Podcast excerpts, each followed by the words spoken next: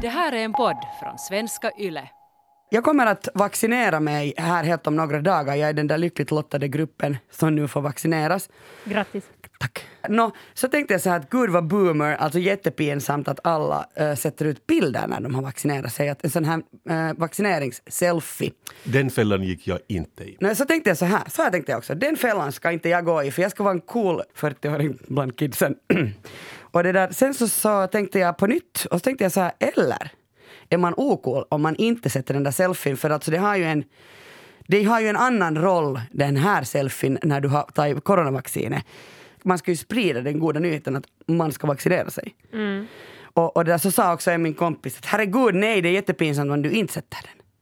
Nu vill jag veta, vad ska man göra? Ska man sätta en selfie när man har liksom vaccineras eller inte? Man ska göra som jag och prata orimligt länge om det i sin andra podcast. Men jag tycker så här att, att eh, det, det kan vara pinsamt till vissa, men i och med att vi har allt större och större vaccinkritisk rörelse i Finland så tycker jag att det är jätteviktigt att man normaliserar det. Så det är egentligen bra om det är så normalt att, att ungdomen tycker att det är pinsamt. För det är så det ska vara. Okej, så du tycker nu att jag ska sätta en selfie? Ja, jag tycker det. Och, och Kasper, du har en mocka. Jag tycker att du ska göra det med en twist. Okej, vad är twisten då? Att jag tog en annan, ett annat vaccin? Jag, jag tog Du är ju gula feber. po- Poliovaccinerad du. Hurra! Ja, men, gör, gör det till en grej, så då, då får du min respekt.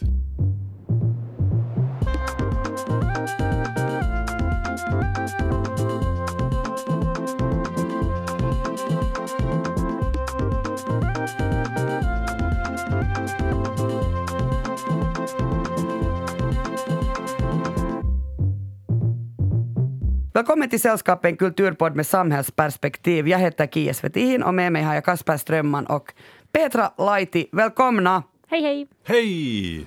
Vad ska du, Kasper, prata om idag? Kia, idag kommer jag att prata om en jacka med magiska krafter. Alltså förlåt. Aladdin? Är det Det, Aladdin? det blir jättebra, jag lovar. Okej, okej. Eh, Jag har sett den omtalade tredelade dokumentären De utvalda barnen. Den handlar om Solviksskolan i Sverige som var en Waldorfskola, det vill säga följer Steiner-pedagogik. Och jag ska fundera på skola, pedagogik och lärare. Petra, vad ska du prata om? Jag ska tala om eh, min nya eskapistiska hobby som är att planera temafester som jag inte kan ha just nu. Ah, bra, så har du något att göra med din tid. Ja. Det är lite som fantasy football. I, I like it. Nu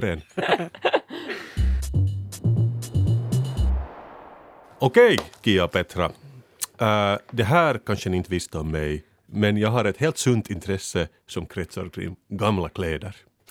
I grund och botten handlar det ju om att jag är någon slags hobbylumphandlare, men jag och mina gelikar har kommit på att vi kallar oss vintage-entusiaster. Så låter det lite snyggare. Vi håller inte på att rota i mögliga klädhögar på den utomhusloppis för vi pratar om att vi gillar pre-loved clothing. Såna är vi! Och så säger vi dessutom att vi räddar jorden med vårt beteende. Men vette fan om det är sant. Det handlar väl bara om att liksom tycka om att klä på sig saker och ting.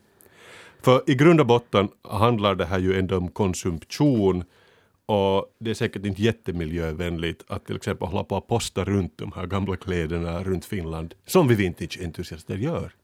För det, det är det vi gör, men så kallar vi det för en, en grön hobby samtidigt. Men eftersom vi konsumerar så här mycket kläder, vi vintage-entusiaster, så har vi också drivor av dem där hemma. Och så måste man göra sig av med dem. Det har väl de flesta nu för tiden. De har för mycket kläder, ett klädskåp som man inte kan stänga dörren på. Och då blir det lite som ett stressande halvtidsjobb. Det att man hela tiden håller på och köper eller säljer vintagekläder. Det är hemskt, men nu är det som det är. Och jag hade en gammal arméjacka i mitt skåp. Ganska snygg faktiskt. Som jag sålde i en sån här Facebook-grupp som det finns nu för tiden om man säljer och köper kläder.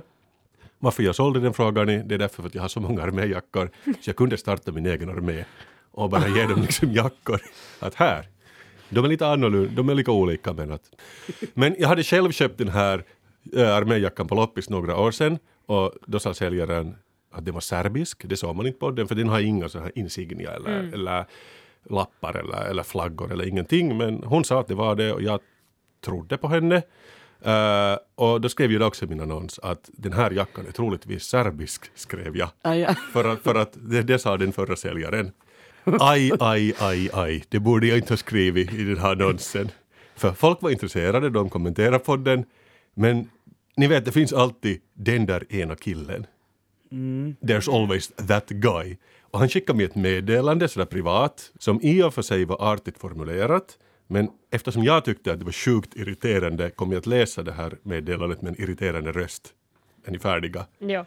Jag vill bara informera dig om vad uniformen representerar innan den hamnar hos någon som inte är medveten om det. Och så var det en länk till etniska rensningar i kriget i Bosnien. Så han, han, han fick någon slags spel för att jag sålde en jacka som möjligtvis kanske hade varit med i vad heter det, kriget på Balkan på Men, 90-talet. men visste han, alltså nu är det här ändå lite intressant för att så, jag tänkte direkt att det skulle så att någon skulle skriva det här är sen inte en serbisk armé. nej, nej, rock, utan utan- han, han tog det som face value, det här är Ja, en serbisk arméjacka. Du vet ingenting mer om honom, var han serb? Har han är, är liksom dåliga minnen av kriget, vet du? Han hade absolut inte ett serbiskt namn. Mm. Så att det, jag, jag vet ju ingenting om honom och fråga mig om jag svarar med någonting på hans mail. Fra, svara, Svarar du någonting? Såklart jag inte svarar, för jag jobbar inte så. Min teknik är att bara ta åt mig det här och sen hå, Och håller det som en liten klump i Och sen- magen och sen- och poddar om det flera månader sedan. ja, och sen ändå pratar du det om, om Gör innehåll av det här, kanske skriver en krönika i en tidning om det. Det är så jag jobbar, Okej, är jag. hur kändes det då? Ja, men det här fick ändå mig att fundera att kan kläder ha magiska krafter? Vi är ju inte vidköpliga i västvärlden överhuvudtaget. Vi tror inte på trolldom. Vi tror bara på horoskop och så tror vi på att kläder kan ha magiska krafter. För jag funderar att folk håller ju ändå på att köpa och sälja till exempel gamla skor kan vara dyra och Michael Jordan har spelat i dem. Och det finns någon bevis för att han har spelat i det. Och liksom, de blir ju inte bättre och sämre av det men ändå tycker vi att de är magiska för att Michael Jordan har spelat i dem. Eller en t-shirt som Bruce Springsteen har på sig. Slå vad om det finns en massa människor som kan betala en massa pengar om det finns liksom The Boss DNA i den så man kan klåda honom om några år. Och jag funderar också på det här, för nu har det varit ju oroligheter i Mellanöstern igen. Och jag funderar att om man har då antingen, ska vi säga då en israelisk eller palestinisk arméjacka på sig. Det har jag funderat, det är ju absolut att ta ställning om man har en israelisk flagga till exempel på ärmen. Men vad händer om jag tar bort alla insignia och flaggor? Så har de här jackorna ändå magiska och onda krafter som sitter i tyget fast det inte syns på den. Och man känner inte kanske igen liksom om det är en lite ospecifik modell också som, som inte är speciellt uttrycksfull för just den nationen. Är jag nu partypooper? Men det kanske jag är. Alltså, jag kan förstå alltså att man kanske kan få säga så här att, att du måste ju sen vara medveten om vad serberna har gjort. Mm. Hur är det med amerikanska uniformer? Men den är ju fruktansvärd. Är, det- är det liksom, men är det bra eller dåligt? att Ja, just det, Ha, att att ha en, ja. en, en gammal... För hippisarna, de approprierar ju just i samband med Vietnamkriget så började de använda Mm. M65s och det blev liksom som en hippieuniform. Nu tar vi de här som de tyckte Mm. att Amerika inte agerar på ett... Alltså jag tänkte också på det där, för det är ju liksom... Eh, och visserligen beror det ju säkert också på vilken världskonflikt det handlar om. Att huruvida man kan appropriera eh, en uniform till att göra den cool och som en symbol av liksom en mot, motståndsrörelse för, för någonting. Att, att, och säkert så har det också att göra med det att, att hur lång tid det har varit sen sedd konflikt. Mm. Och jag tycker Ja. också bottom line är till exempel USA, är USA god eller ond? Exakt, det är väl frågan. Är Finland god eller ond? Vi tycker Mm. såklart god. Men, men jag menar om man frågar till exempel någon i Irak så säger de kanske USA kanske inte helt okej så som de har hållit på här. Mm. Medan USA säkert säger att, att vi är en världspolis som, som gör rätt. Och sen Alltid. finns det ju också liksom, om man, om man sen ser bort från de här specifika konflikterna så finns det ju också en diskussion kring det här med att vad är det för signal man ger om man använder liksom militärkläder överhuvudtaget? Och det finns ju liksom jätte liksom så här motsatta åsikter om det här i alternativkulturer. Att antingen så använder man dem som ett tecken på att I'm against this, eller så använder man inte det som ett tecken på att I'm against this. Men alltså, om jag funderar nu på den här, den här specifika jackan som vi talar om, eh, så jag tycker det är också en, en slags diskussion kring det här ämnet, är att, att vad har liksom medvetenhet för roll i dagens liksom, diskussion? Och att, att liksom, man ser det hela tiden på som att man ska vara medveten om vad som händer och var, och hurdana parter det finns i olika konflikter, och att, man, liksom, att det finns liksom en sån här... På social media är det liksom ser man det som liksom lite aktivistiskt, eller att man visar att man är proaktiv och man visar att man är medveten om någonting. Men sen så, det här är nog ett bra exempel på att hur, hur påverkar det sen liksom riktiga livet att vara medveten om, om något klädesplagg eller dess historia till exempel. Att, för medvetenhet i, i sig, det ger ju inget svar till vad du borde göra Mm. egentligen. Men om jag nu lånar en same-outfit av dig Petra, den har ju magiska krafter, den kan jag inte ha på mig. Eh, Nej, nej, visserligen. Så att då lutar det då mot att en serbisk jacka på samma sätt har magiska krafter. Vi har ju pratat tidigare om det här att man ska skilja på person och verk och just Woody Allens filmer och sådär. Men kan man ha på sig Woody Allens malätna kofta eller gifter man sig genast med sitt adoptivbarn om man har på hans liksom, Ja, men alltså, I grund och botten handlar det väl, det att, handlar det väl om det att, att vad det är som folk tror att du vill visa eller säga genom att använda ett klädesplagg. Så säg om du skulle ta på dig en samekofta. Mm. Eh, alltså nu skulle ju, min första fråga var ju att, att varför, vad är det för poäng med det här What the egentligen? hell Kasper? Nej, egentligen. Men är det okej, eh, får man använda same, eh, heter den kä- käkti? Kakti. För, för, skulle jag få använda käkti när jag inte är same? Nej. Eh, du skulle få använda den om du var till exempel gift med en same. Eh, och ibland till exempel också om, säg att du inte var gift med en same eller du hade skilt dig från en same men, men ni hade till exempel samiska barn. Då skulle det kunna vara okej. Men det har allt att göra med att hur du liksom förhåller dig till resten av den samiska befolkningen. Är du liksom en del av kulturen och jobbar du i- inom kulturen och så vidare. Det är all, alla saker som påverkar. Men bara så där så aldrig. Nej. Jag har också funderat på det här, vet ni vem Eric Gill är? Nej. Nej. Han är alltså född 1882 och lever inte mera. Han var engelsk typografiker som också var förknippad med hela arts and crafts-rörelsen och jätteerkänd inom den och han höll också på med arkitektur och han höll på med eh, vad heter det, stone cutting, någon sån reliefer höll han på med. Och han har också formgett en av de absolut kändaste fonterna vi har idag, Gill Sans. Det är alltså en, om man- okej. eh, typ, de som har en dator brukar känna till den för den finns på typ alla datorer.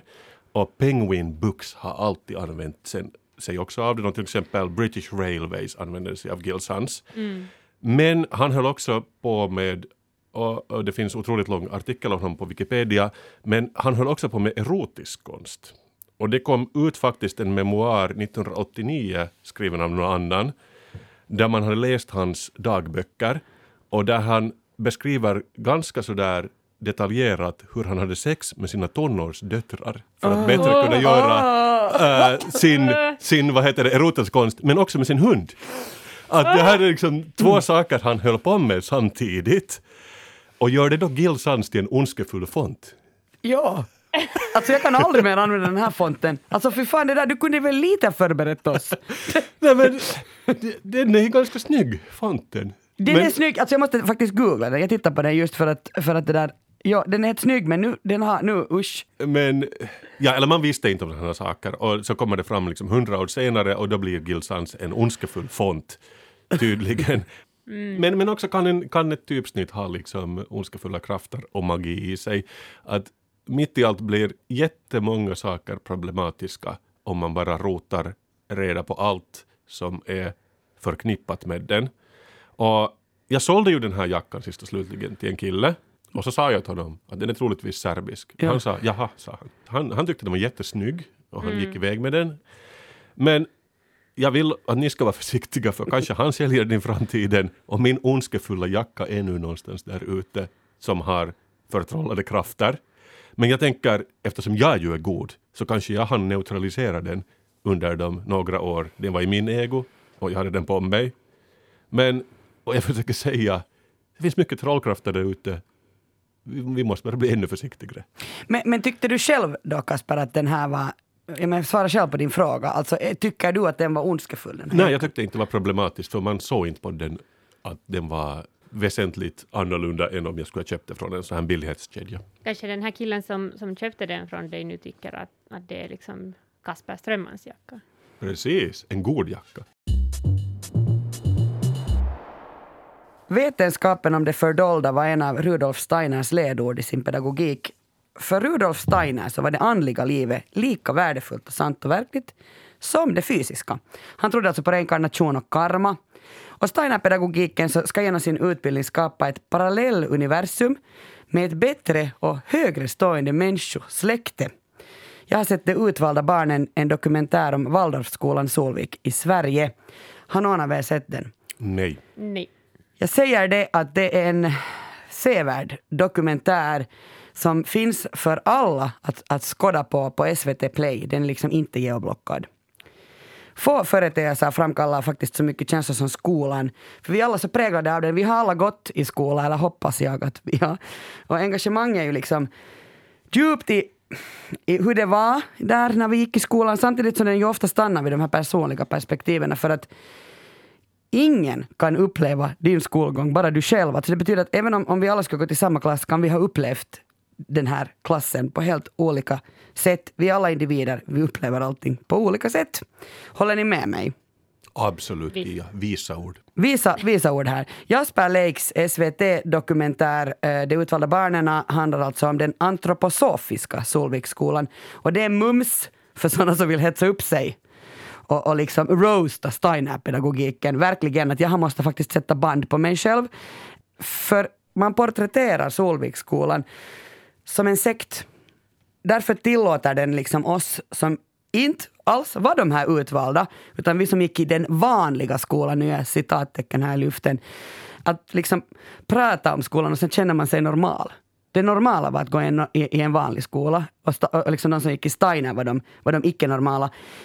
Som om liksom då, jag, jag kan också säga majoritetsskolan är kanske ett bättre uttryck för den vanliga skolan, så blir det inga, inga, ingen värdeladdning. Eh, men alltså majoritetsskolan var ju inte heller ideologiskt neutral eller sakna eh, statushierarkier. Vill jag understryka. Men okej, vad handlar det här om?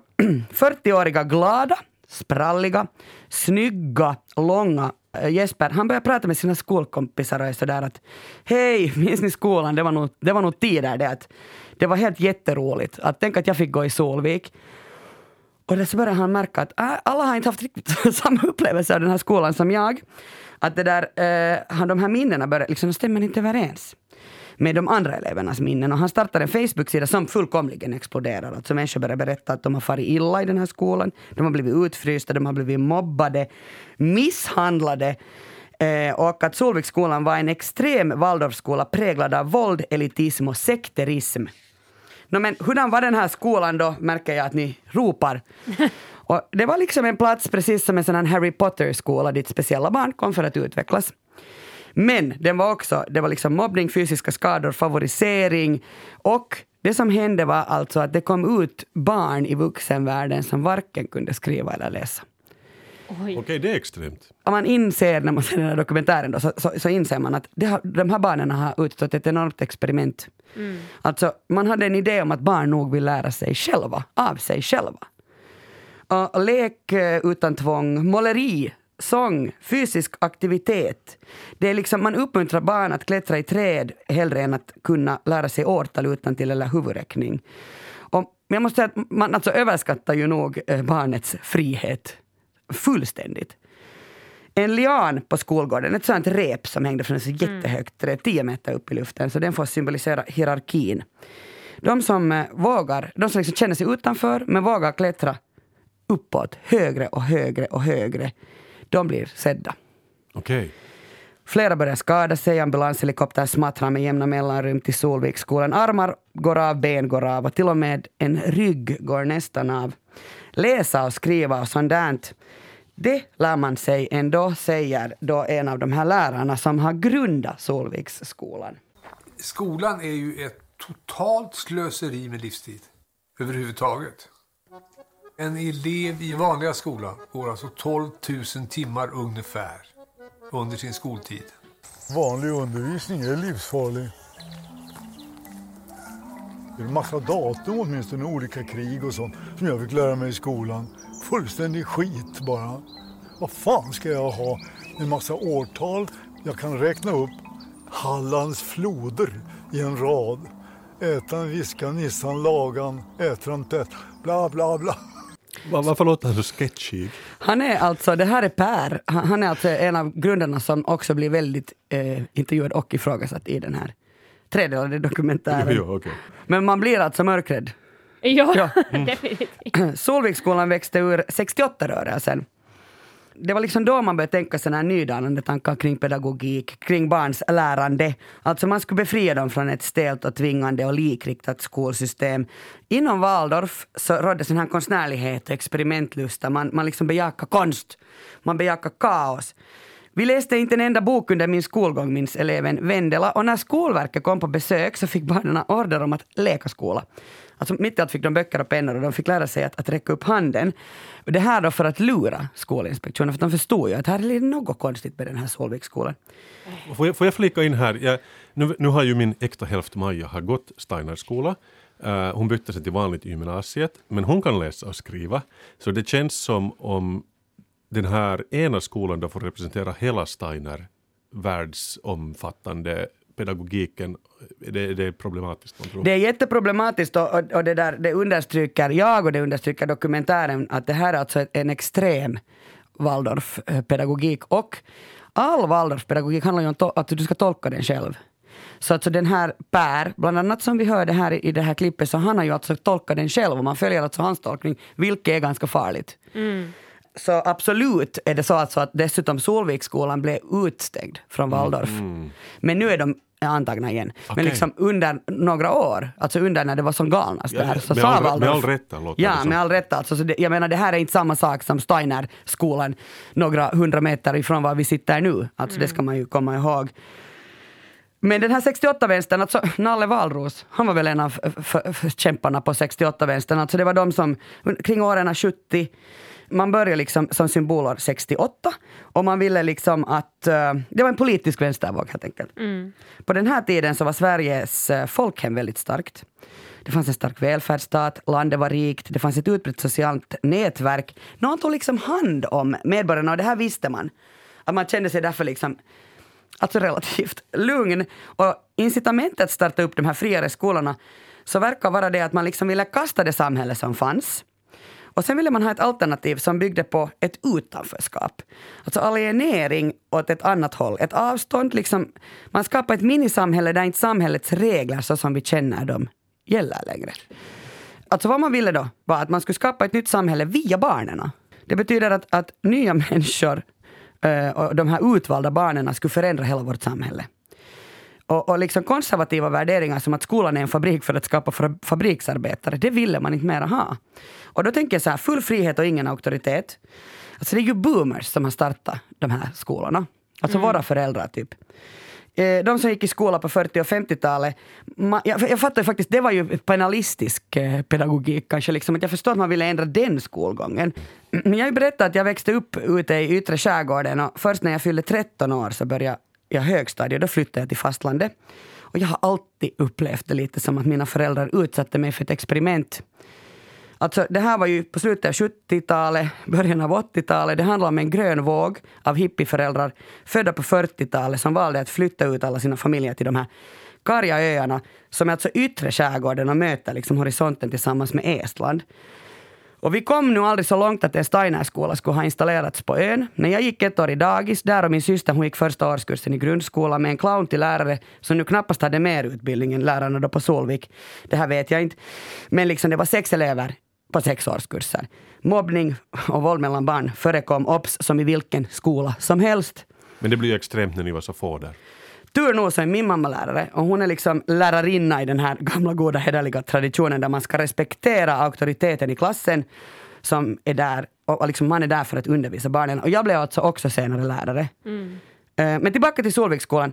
Svaga elever missgynnas eh, ofrånkomligt, alltså för att det inte finns någon struktur i Solviksskolan. Det här resulterar i att massa barn inte passar in någonstans alls. Alltså det, det, liksom blev, det blev fel. Och, och det där, nu verkar det Eh, som att de här eleverna alltså har lidit ganska mycket. Jag förstod ju inte att det var så illa förrän jag faktiskt började söka jobb och sö började söka utbildningar. Att det var ju jättesvårt. För att jag kunde ju inte skriva. Om jag skulle söka jobb och sitta i kassan till exempel. Så bara huvudräkning, det funkar ju inte. Och på betygen så står det att jag har VG i matte. Vilket inte stämmer, för jag, jag kan inte matte. Det finns en anledning att man ska lära sig de ämnena som är i vanliga skolan. Jag hade jättegärna kunnat dem. Och det saknas mig enormt i det vuxna livet. Jag kommer alltid hamna efter. Ja, eh, det är ju alltså jättesorgligt för de barnen som skulle ha velat lära sig att läsa och inte liksom leka drakleken ute på gården. Mm. Eh, Waldorfpedagogiken säger ju något gott i människan och, och det är ju liksom jättebra. Men på Solviksskolan så var det så här att du behöver inte vara mattesnille men om du är jättesmidig och snygg så premierades du. Alltså de, de försökte skapa någon... Det var liksom, supermodeller. Ja, övermänniska. Alltså det, var, det är ju liksom fruktansvärt. Usch då. Men hej, äh, Waldorfpedagogik, det kallas Steiner-pedagogik i Finland. Österrikaren Rudolf Steiner, han skrev grunderna redan 1913, alltså det är ju jättelänge sedan. Antroposofi kallar han det. Det betyder liksom att varje människa individuellt eh, ska utforska världen som en helhet och genom liksom en aktiv utveckling, alltså att man iakttar natur, humanvetenskapliga studier, moraliska övningar, meditation, så ska man nå kunskap om världen. Barnens andlighet skulle bejakas. De trodde liksom på änglar. Och sen hade man fyra olika temperament. Man kunde vara flegmatisk, man kunde vara sangviniker, det är det som alla ska eftersträva att vara. Ja, man är glad, man har barnets temperament. Det här var liksom den bästa. Och sen eh, kunde man också vara då kolerikern, den vet bäst själv. Och sen melankolikern som tycker synd om sig själva. Och det blev liksom nästan rasbiologi här, bästa herr Steiner. För att som man börjar titta på folk som, vet ni den där boken Idioterna som man skulle dela Nej, ja, jag, jag kan Ja. inte ens in på det här. Men, men liksom att mel- melankolikerna är smala och spänsliga, sangvinikerna mest normala. Kolerikerna korta och smala, flegmatikerna har stora huvuden. Alltså, det här är Rudolf Steiner-pedagogik.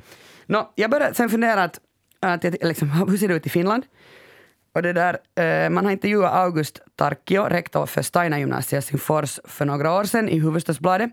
Och han säger liksom att kunskap är viktig, men man måste också vara kreativ och ha en god själv, självkänsla för att kunna utvecklas. Det här är ju alltså jätte, jättebra. Alltså när jag läser det här, jag blir helt så bara wow, det är klart det är så det ska vara. Och att liksom Steiner-pedagogiken är uppbyggd för att stödja elevernas alla sidor under hela skoltiden. Och den varar i 12 år, alltså att man stöder och liksom stärker deras självkänsla.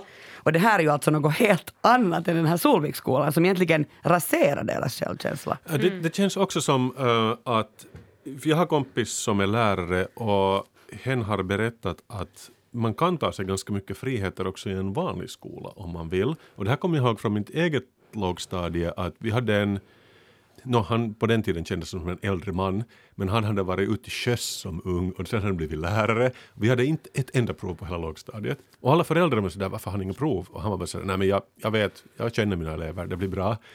Så tvingade de honom att hålla ett prov, tror jag, på femman och alla fick liksom det vitsordet som han hade gett åt dem, så sen var det okej.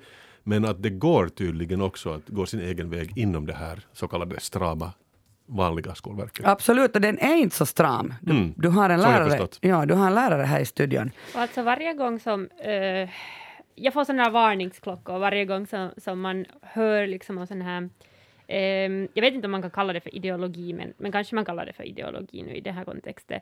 Att det finns liksom ett sånt här tankesätt och sen finns det det andra vanliga som är liksom standardiserat och som är liksom tråkigt. Och det här vårt tankesätt är liksom, det är det bättre, bättre alternativet. Och då börjar man direkt tänka att okej, okay, men ett sånt här tankesätt, liksom bara, bara genom det här med att man isolerar sig från, från det normala, vanliga, så det är ju liksom jättekänsligt för att eh, folk ska liksom eh, ta, utnyttja eh, liksom de människor som följer det här tankesättet. Så det är ju liksom jätte, jätteriskabelt.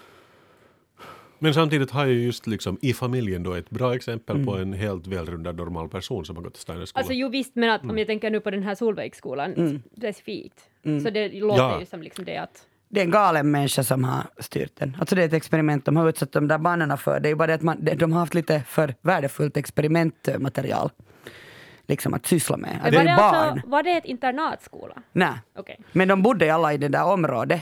Eh, Och det, det var ett, ett område där det liksom var väldigt så här, man levde nära naturen, man odlade sin mat och eko. Så, så en kult? Mån- Månne det finns inom Waldorfskolorna också som inom kristendomen kan man ju vara evangelisk, luthersk eller så kan man vara just Jehova. Att det är liksom lite olika inriktningar. Kan det vara så inom Steinerskolan också? Man är lite mera Steiner och lite mindre. Aha, ja, det här var tydligen extremt Steiner då. För, för den här exemplet påminner mig liksom mycket mer om just såna här extremreligiösa communities som finns typ just i USA. My, den påminner mig mycket mer om det än liksom den Steinerskolan som vi har i Finland. Uh, just med det här att, att det är liksom inte, det är inte ett internatskola, men vi alla bor liksom i samma område och vi alla äter samma mat och vi jobbar liksom i samma ställen och, och man liksom förhandlar bara med samma människor som är liksom, liksom in with the secret liksom. In the system. Ja. Ja, det där, alltså allting är ju en tolkning. Jag tänker så här att, att, hur du tolkar pedagogiken, så som din lärare Kasper eh, tolkar den, på ett annat sätt än kanske en annan lärare skulle tolka den i din skola. Eh, och, och jag tänkte så här, bra så, men jag hörde en nyhet igår på Svenska Yle, där den här rektorn för eh, Steiner gymnasiet i Helsingfors eh, uttalar sig så här. Det finns viktigare saker i, i gymnasiestuderandes utveckling eh, än att se till att de klarar sig bra i matematik. Då hade alltså skolan fallit 87 placeringar på den nationella rankingen sen förra året. Jag vill understryka här nu att det är fortfarande fråga om en tolkning, för nu kan det ju finnas någon elev där i Steina gymnasiet som skulle vilja räkna mera än den skulle vilja spela teater. Jag vet inte. Min kompis gick i Steiner skola hela lågstadiet och sen på sjuan så bytte hon till vanlig skola, majoritetsskola. Och det där, eh, hon fortsätter på samma den här logiska linjen. Eh, Det är så här alltså, om jag förstod det rätt på henne, att, att det där man har samma klass och samma lärare hela skolgången i 12 år. Och det betyder ju att man blir ganska isolerad i den där klassen. Har du bra klasskamrater är det ju kiva, men inte om du inte har. Och samma är det ju alltså att har du en bra lärare, det är helt A och O. Kiva. Nåja, bra. Men har du en dålig lärare, har du en dålig lärare hela din skoltid. Och, och det, är liksom, det tycker jag ju nog är skrämmande. Och sen sa hon att orsaken att hon bytte till, på sjuan då till vanlig eh, skola var för att hon ville ha hussa. Och, och de, fick inte ha, de, de hade inte den skolan då just Jag tänkte att, jag, för jag trodde det var det enda de hade typ i- Steiner. de bara lagar mat. Just det, Nej, hon, hon sa att de, att de hade liksom Och sen tyckte hon att de alltid kände sig utanför. Att idag är det väl nog så att Steiner är jätteinvolverade och jätte liksom inkluderade i allt annat som händer. De är med i stafettkarnevalen och så vidare. Men då var det inte så. Att hon kände sig alltid jätte utanför och annorlunda. Och så liksom 13-åring ville hon inte. Hon ville vara en av massan. Nåja, eh, jag är behörig ämneslärare utbildad i Finland och jag har alltså tänkt en hel del på min utbildning i och med att jag har sett den här tredelade dokumentären. Finland har en av världens bästa lärarutbildningar. För att arbeta som ämneslärare krävs en högre högskoleexamen. Jag är modersmålslärare, det vill säga jag, är, jag har en magister i litteraturvetenskap och svenska som biämne. Sen har jag studerat pedagogik med lärarinriktning som består av både teori och praktik och sen liksom det här blev sju år av studier på högskola eller universitet. Men en helt annan fråga är ändå, är jag kompetent? För alltså, Du, ja, du är ju inte lärare mer. nej, och jag har varit lärare i fyra år, Okej. men inte längre. Eh, man kan vara kompetent men inte behörig. Man kan vara behörig men inte kompetent. Men helst har man ju en För, lärare. för, förklara skillnaden för oss som inte förstår. Alltså behörighet är det du utbildar dig till. Aha, okej. Och kompetens är att du är bra lärare. Ja, ja, ja okej. Eh, och liksom, man vill ju helst att, att man, man har en lärare, eller ens barn har en lärare som är både behörig och kompetent. Och hur mäter du kompetensen? Nå, det är, kompetensen mäts ju liksom hurdan du upplevs som lärare, så det är ju alltså enskilt. Jag vet inte om jag var Ja, ja, kompetent. det är en känsla. Ja, jag, jag upplevde ju nog att jag var kompetent, men det som gör att man kan kanske känna sig säkrare är att man har utbildat sig, alltså att man har behörigheten. Mm, men det måste man ju ha. Det finns ju nog jättemycket lärare idag som inte är behöriga. Aha. Det är ju alltså det största problemet på Solviksskolan kan jag säga att där fick man anställning så länge man inte var utbildad lärare. Jag kollade med undervisningsministeriet Eh, hur de ser på Steinerpedagogiken. och där sa man liksom att, att ja, att Steinerskolan i Finland så får pengar från undervisningsministeriet. Det här betyder att man följer samma regler och läroplaner, samma lagstiftning som undervisningsministeriet och kräver av majoritetsskolor. För att det som man ska följa för att få statsandelar. Sättet att lära ut är det som skiljer sig från Steiner och vanlig skola. Man får alltså använda vilken pedagogik som helst i Finland, bara du når målen i läroplanen. Så din lärare Kasper, när du gick i lågstadiet, hade ju helt rätt. Och det, då tänker jag så här, alltså som lärare så kan jag säga att det bästa med den finländska skolan är att läraren har jätte, jättemycket autonomi. Den lokala läroplanen tolkas utgående från oss som är lärare. Jag kan undervisa modersmål genom att dansa och sjunga. Jag kan undervisa modersmål genom att ha mina elever att läsa böcker. Det är jag som väljer, bara målen nås. Och då tänker jag, om vi har en så här bra grund i Finland då det gäller skola och utbildning, varför ska man välja något annat? Vi har en jättebra utbildning när det gäller lärare. Behöver vi liksom 2021 ytterligare alternativ? Eller har liksom, är Steiner-pedagogikens tid förbi? Nu eftersom jag inte har gått Steiners skola ska jag inte uttala mig men äh, det finns ju också alltid människor som inte gillar vaccin. Mm, och man måste ju alltså få tycka hur man vill. Eh, jag tänker så här, Waldorf passar inte alla. Och då tänker jag kanske på mig själv som var liksom vanlig och tråkig. Alltså jag var inte konstnärlig och fri. Jag sattes i en sån här byaskola.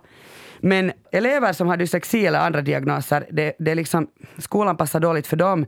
De elever som klarar sig bra i alla skolor, de kan blomma ut i Waldorf. Men hur stor bedrift är det egentligen? Eh, att samhället är ju inte sånt som Steiner-pedagogiken förbereder eleverna för. Skolan ska förbereda en för att komma in i samhället och med mera flexibilitet i våra vanliga skolor och sätten att undervisa då förstås, så tycker jag att man kunde liksom nå de här samma målen. Man kan då verkligen säga att den här dokumentären har skjutit Steiner-pedagogin i foten nu. No, lite, och lite orättvist är det ju eftersom Solvikskolan, vill jag understryka, var extrem. Mm. Ja, precis. Men Ja, jag, må- jag måste ju se den här. ni ska absolut Ja. se den. För alltså den, är också, den, är, den har också en twist i slutet. Sen kan jag säga att jag skriver verkligen inte under den tredje delen och jag har liksom renkina mina kollegor om att det är liksom, jag har en helt annan uppfattning om slutet och jag tycker att han skulle klara sig bra på två delar. Vilken cliffhanger, Ja. du måste ju se den här nu. När ni tänker att man ska ha fest, vad är det som ni söker efter? Kaspers, äh, den här arméjackan. Ja, ett flak öl. Öl. Eh, men tycker ni, är ni, är ni mer såna att, att man ska ha liksom en massa mat eller en massa folk eller en massa dans eller tycker ni om program på fester? Vad är det som ni tycker om? Ingen, ingen av oss kommer ju ihåg hur man festar mera. Men jag kommer ihåg att folk, det var nog en viktig ingrediens. Alltså, ja, mycket, mycket folk och mycket öl och sen mycket dans.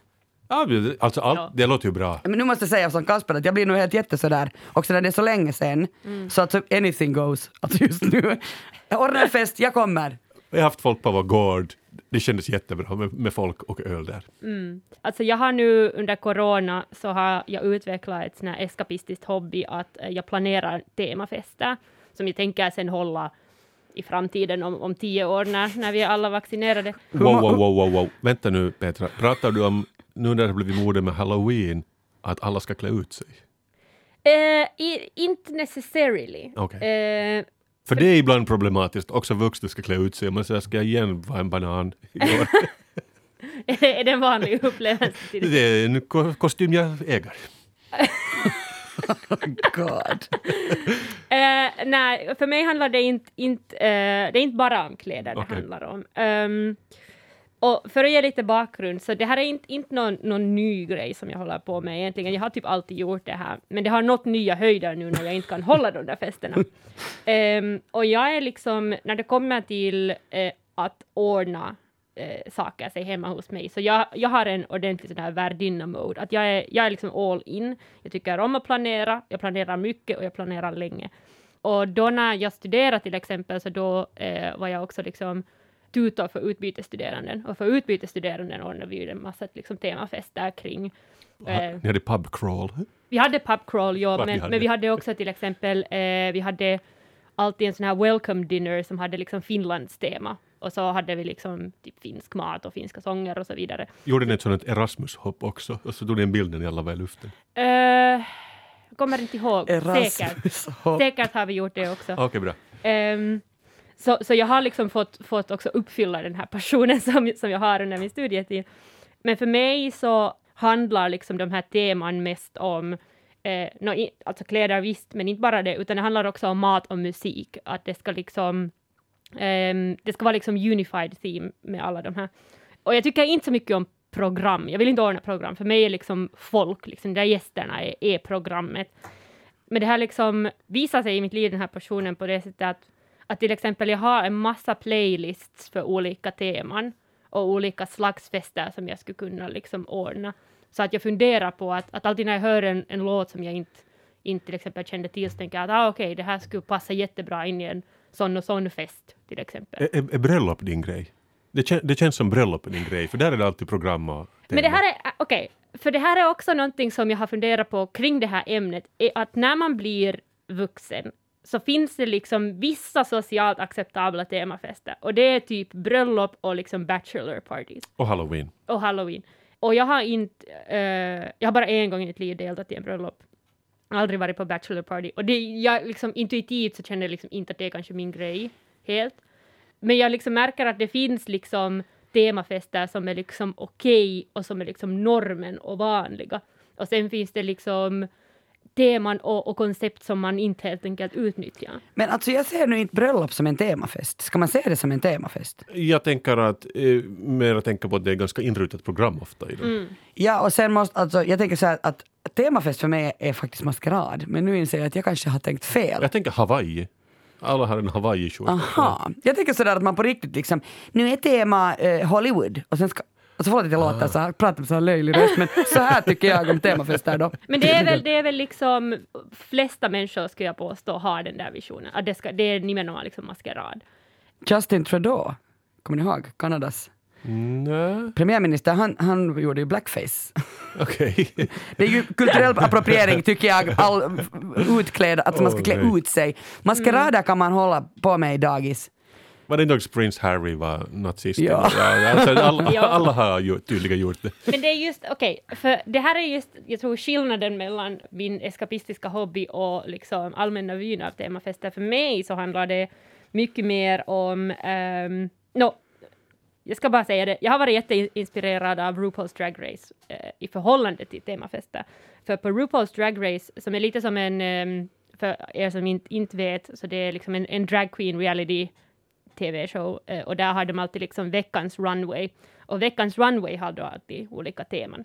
Och jag blir jätteinspirerad av de här teman, för det handlar inte, inte till exempel alltid om något år eller någon liksom trend eller någon maskerad-ish tema, utan det kan också vara att, att det kan vara tema att man ska ha eh, hår som material eller att man ska satsa på skor eller hattar eller något liknande. Att det liksom kan, man kan lyfta ett klädesplagg och fokusera ett tema på det. Så det har varit jätteinspirerande för mig. Och jag liksom älskar också att sy, så jag funderar alltid på att okej, okay, om jag skulle ha en fest för en sån och sån tema, så vad skulle jag då sy? Kan man inte alltså bara ha fest? Jo, visst. Men, jag, jag skulle först säga att jag hatar det här, men nu börjar jag ju älska det, att du har ett uppdämt behov och det kommer liksom explodera. Men det är väl för att jag har ordnat en massa fester i mitt liv. Och vid något skede så slutar det kännas festligt. Ah. Så det är liksom, för mig tänker jag att okej, okay, ett tema är ett sätt att fundera på olika sätt att ha roligt. Eh, jag skulle jättegärna ordna en savolaxfest där vi skulle eh, lyssna på savolaxmusik och äta savolax. Okej, okay, men det här gillar jag. Du går liksom ja. lite utanför boxen och ja, gör något oväntat. Det är ju, ja. Och att man liksom... lär sig. Jag tänker, ja. Det är faktiskt intressant och sen att man får äta savolax mat. Ja. Ja, och jag har ju alltså då eh, också familj i Savolax, så det är liksom... Mm. Det är De ska dit och man får titta och peta på dem. Jag vill höra något annat. Säg något eh, annat tema. Eh, jag skulle jättegärna ordna en, ett skäggtema. Man borde ha lösskägg. Okej, se där skulle inte jag komma. Savolax skulle jag komma, men inte. Ja, ja, ja. Eh, men sen, eh, för jag har också en sån kompisgrupp som eh, liksom älskar kläder. De, man skulle kunna kalla dem för vintage-entusiaster. Mm -hmm. Men att, så, med dem har vi funderat på en sån, sån tema, att man, man liksom man får klä ut sig hur man vill, men man måste under festen byta sina kläder åtminstone fem gånger. Ah, som fem när, olika outfits. Som när Madonna uppträder. Ja. Det blir ju enorma IKEA-kassar man har med sig då till din fest. Ja, till exempel. så att det, liksom, det, är, det, behöver inte vara någon unified theme i sig, men det ska vara någon funktion som alla liksom uppfyller. Uh, men jag tycker i Ankdammen har vi ju liksom en jätteobvious temafest och det är ju kräftskivor. Det är ju liksom en socialt acceptabel temafest, tycker jag. Tycker väldigt illa om den. Men okej, okay. men jag är ju partypoopern. Tycker du Kasper om kräftskivan? det är länge sedan. Alltså, jag kommer inte ihåg mera. Jag älskar kräftskivor. Jag, jag kan faktiskt säga att jag, nu behöver jag inte vara så här jättenegativ hela tiden, att jag har börjat gå på oktoberfest. Jag vägrar klä ut mig, men jag älskar öl. Så det här var alltså faktiskt en av de bästa fester jag har varit på. Man fick äta sån här österrikisk mat. Nej, varför åt man det? Det är ju tyskt. Nåja, whatever. Men där ser man på ett sätt att, att eh, det behöver, att man, när man säger temafest så tänker man på maskerad, men egentligen så handlar det mycket mer om maten och drickan och liksom allt det som händer kring det. Att för ofta om man, om man festar alltid med samma personer så som jag gör, så då liksom dynamiken mellan människor ändras ju inte. Det är ju liksom lika roligt som man har varje gång. Men det är just det att jag äh, använder teman i olika fester för att liksom diskutera något visst ämne eller liksom lära sig någonting eller få någon ny upplevelse. Och det här är ju någonting som eh, jag tror många har en problematisk vy av temafester på grund av till exempel studietider. Man har kanske, eh, jag tror de flesta studerande i Finland har deltagit en fest och tänkt på efterhand att det, Ja. där, det där var inte riktigt cool. Som de där sitsarna. Jag har nog alltså jättemycket agg mot liksom så här studiesitsar. Ja. Uh. Jag har studerat i England, vi hade inte sådant, vi gick bara till en pub. Jag har eh, deltagit en hel del sitsar i mitt liv ehm, och, och jag i sig så tycker om sittkulturen. Jag tycker om det att man sitter ner och man sjunger och man har snapsvisor och det. Jag tycker om hela det. Men definitivt så har det nog varit mer än en, en gång som jag har varit på en fest och tänkt att det här är inte liksom etiskt. Det här är inte etiskt ordnat. Det här är stereotypiskt eller liksom. Men är det där det blir lite intressant också? Alltså visst, ja. Ja, men man- det är också just- där det slutar vara liksom roligt. Men alltså, så jag tror att kring eh, temafesten så går det inte att tala om temafester utan att tala om kulturell appropriering. Och då kan man ju säga så här att okej, men första frågan är ju att hur man ordnar en temafest utan att ha liksom här negativ appropriering kring det. Jag skulle själv säga att det är mycket lättare än vad man kanske vill göra saken till. För mig handlar det ju liksom det att, att om man ordnar en temafest kring någon kultur eh, så har det ju allt att göra med huruvida man respekterar kulturen eller inte. Att använder man kulturen till att göra det till en vits som man alla skrattar åt, eller är det liksom har, har det liksom en, en jämställd position hos din kompisgrupp? Och jag tycker att ett jättebra eh, sätt att, att fundera på det här är att testa att okej, om en människa som eh, tillhör den här kulturen skulle delta, skulle hen känna sig välkommen i den festen? Petra, ett förslag. Waldorffest. Ni spelar korojflöjt som ett eld av päronträd. Ni har eurytmi. Och sen lär ni er ingenting. Och den som klättrar högst upp och faller ner, den är bäst. Det, det här tycker jag du ska jobba på verkligen. För det här det är guld. Och alla kommer att älska det. Också folk som har gått Steinerskolan. Jag är inte så säker på den. Okej. Eh, men alltså, för min del så funderar jag på det kanske att, att um, vad, vad är det man vill ha den där teman för? Speciellt om det handlar om, om någon specifik kultur. Att är det för att lära dig någonting eller är det bara för estetikens skull? För vill man ha estetiken så kan man bara ha en estetik som tema istället för en kultur som tema. Så man kan ha till exempel guld som tema, som material eller som färg. Man kan ha någon viss slags mat som tema. Man behöver inte liksom ta med den där kulturen dit om man inte... Hur många fester, du sa att du har hållit på med den här din lilla hobby här nu under coviden. Så hur många fester, temafester har du nu då? Uh, kommit upp till? Eh, jag har inget tal för det, för det är liksom inte... Det är jag, har, många. jag har många olika, olika festkoncept eh, som ännu väntar på att, att jag ska hitta på vad namnet för det där temat är. För just det här, min favorit är just det här med att man ska ha fem olika outfits under en fest. Men man kan liksom utveckla det till till exempel någon 90 supermodel-tema eller, eller något liknande. Men det beror ju helt på att man kan ha ett koncept och bygga ett tema kring det. Men det har ju att göra med att hur man vill liksom vinkla det. En idé. Fritt fall. Det kan betyda vad som helst. Jag älskar Kasper att du så här desperat försöker hitta så här nya. Nej, men jag, jag blir inspirerad. Också, också Ja. inspirerande. Men alltså det är jätteinspirerande. Jag har aldrig tänkt på alltså att man, alltså temafest kan vara det här. Jag har alltid tänkt att det just är som halloween. Klä ut sig. Ja, no, men då måste vi ju kolla sen att, att sen när jag har nästa gång fest så får ni vara, får ni vara där med och se hur man firar. Jag vill vara fritt fall. Tack Petra och Kasper för sällskapet. Varsågod. Vi får gärna dialog med våra lyssnare. Skriv till oss på salskapet.yle.fi. Alla referenser hittar du i avsnittsbeskrivningen på arenan. Vi hörs. Hej då! Hej då!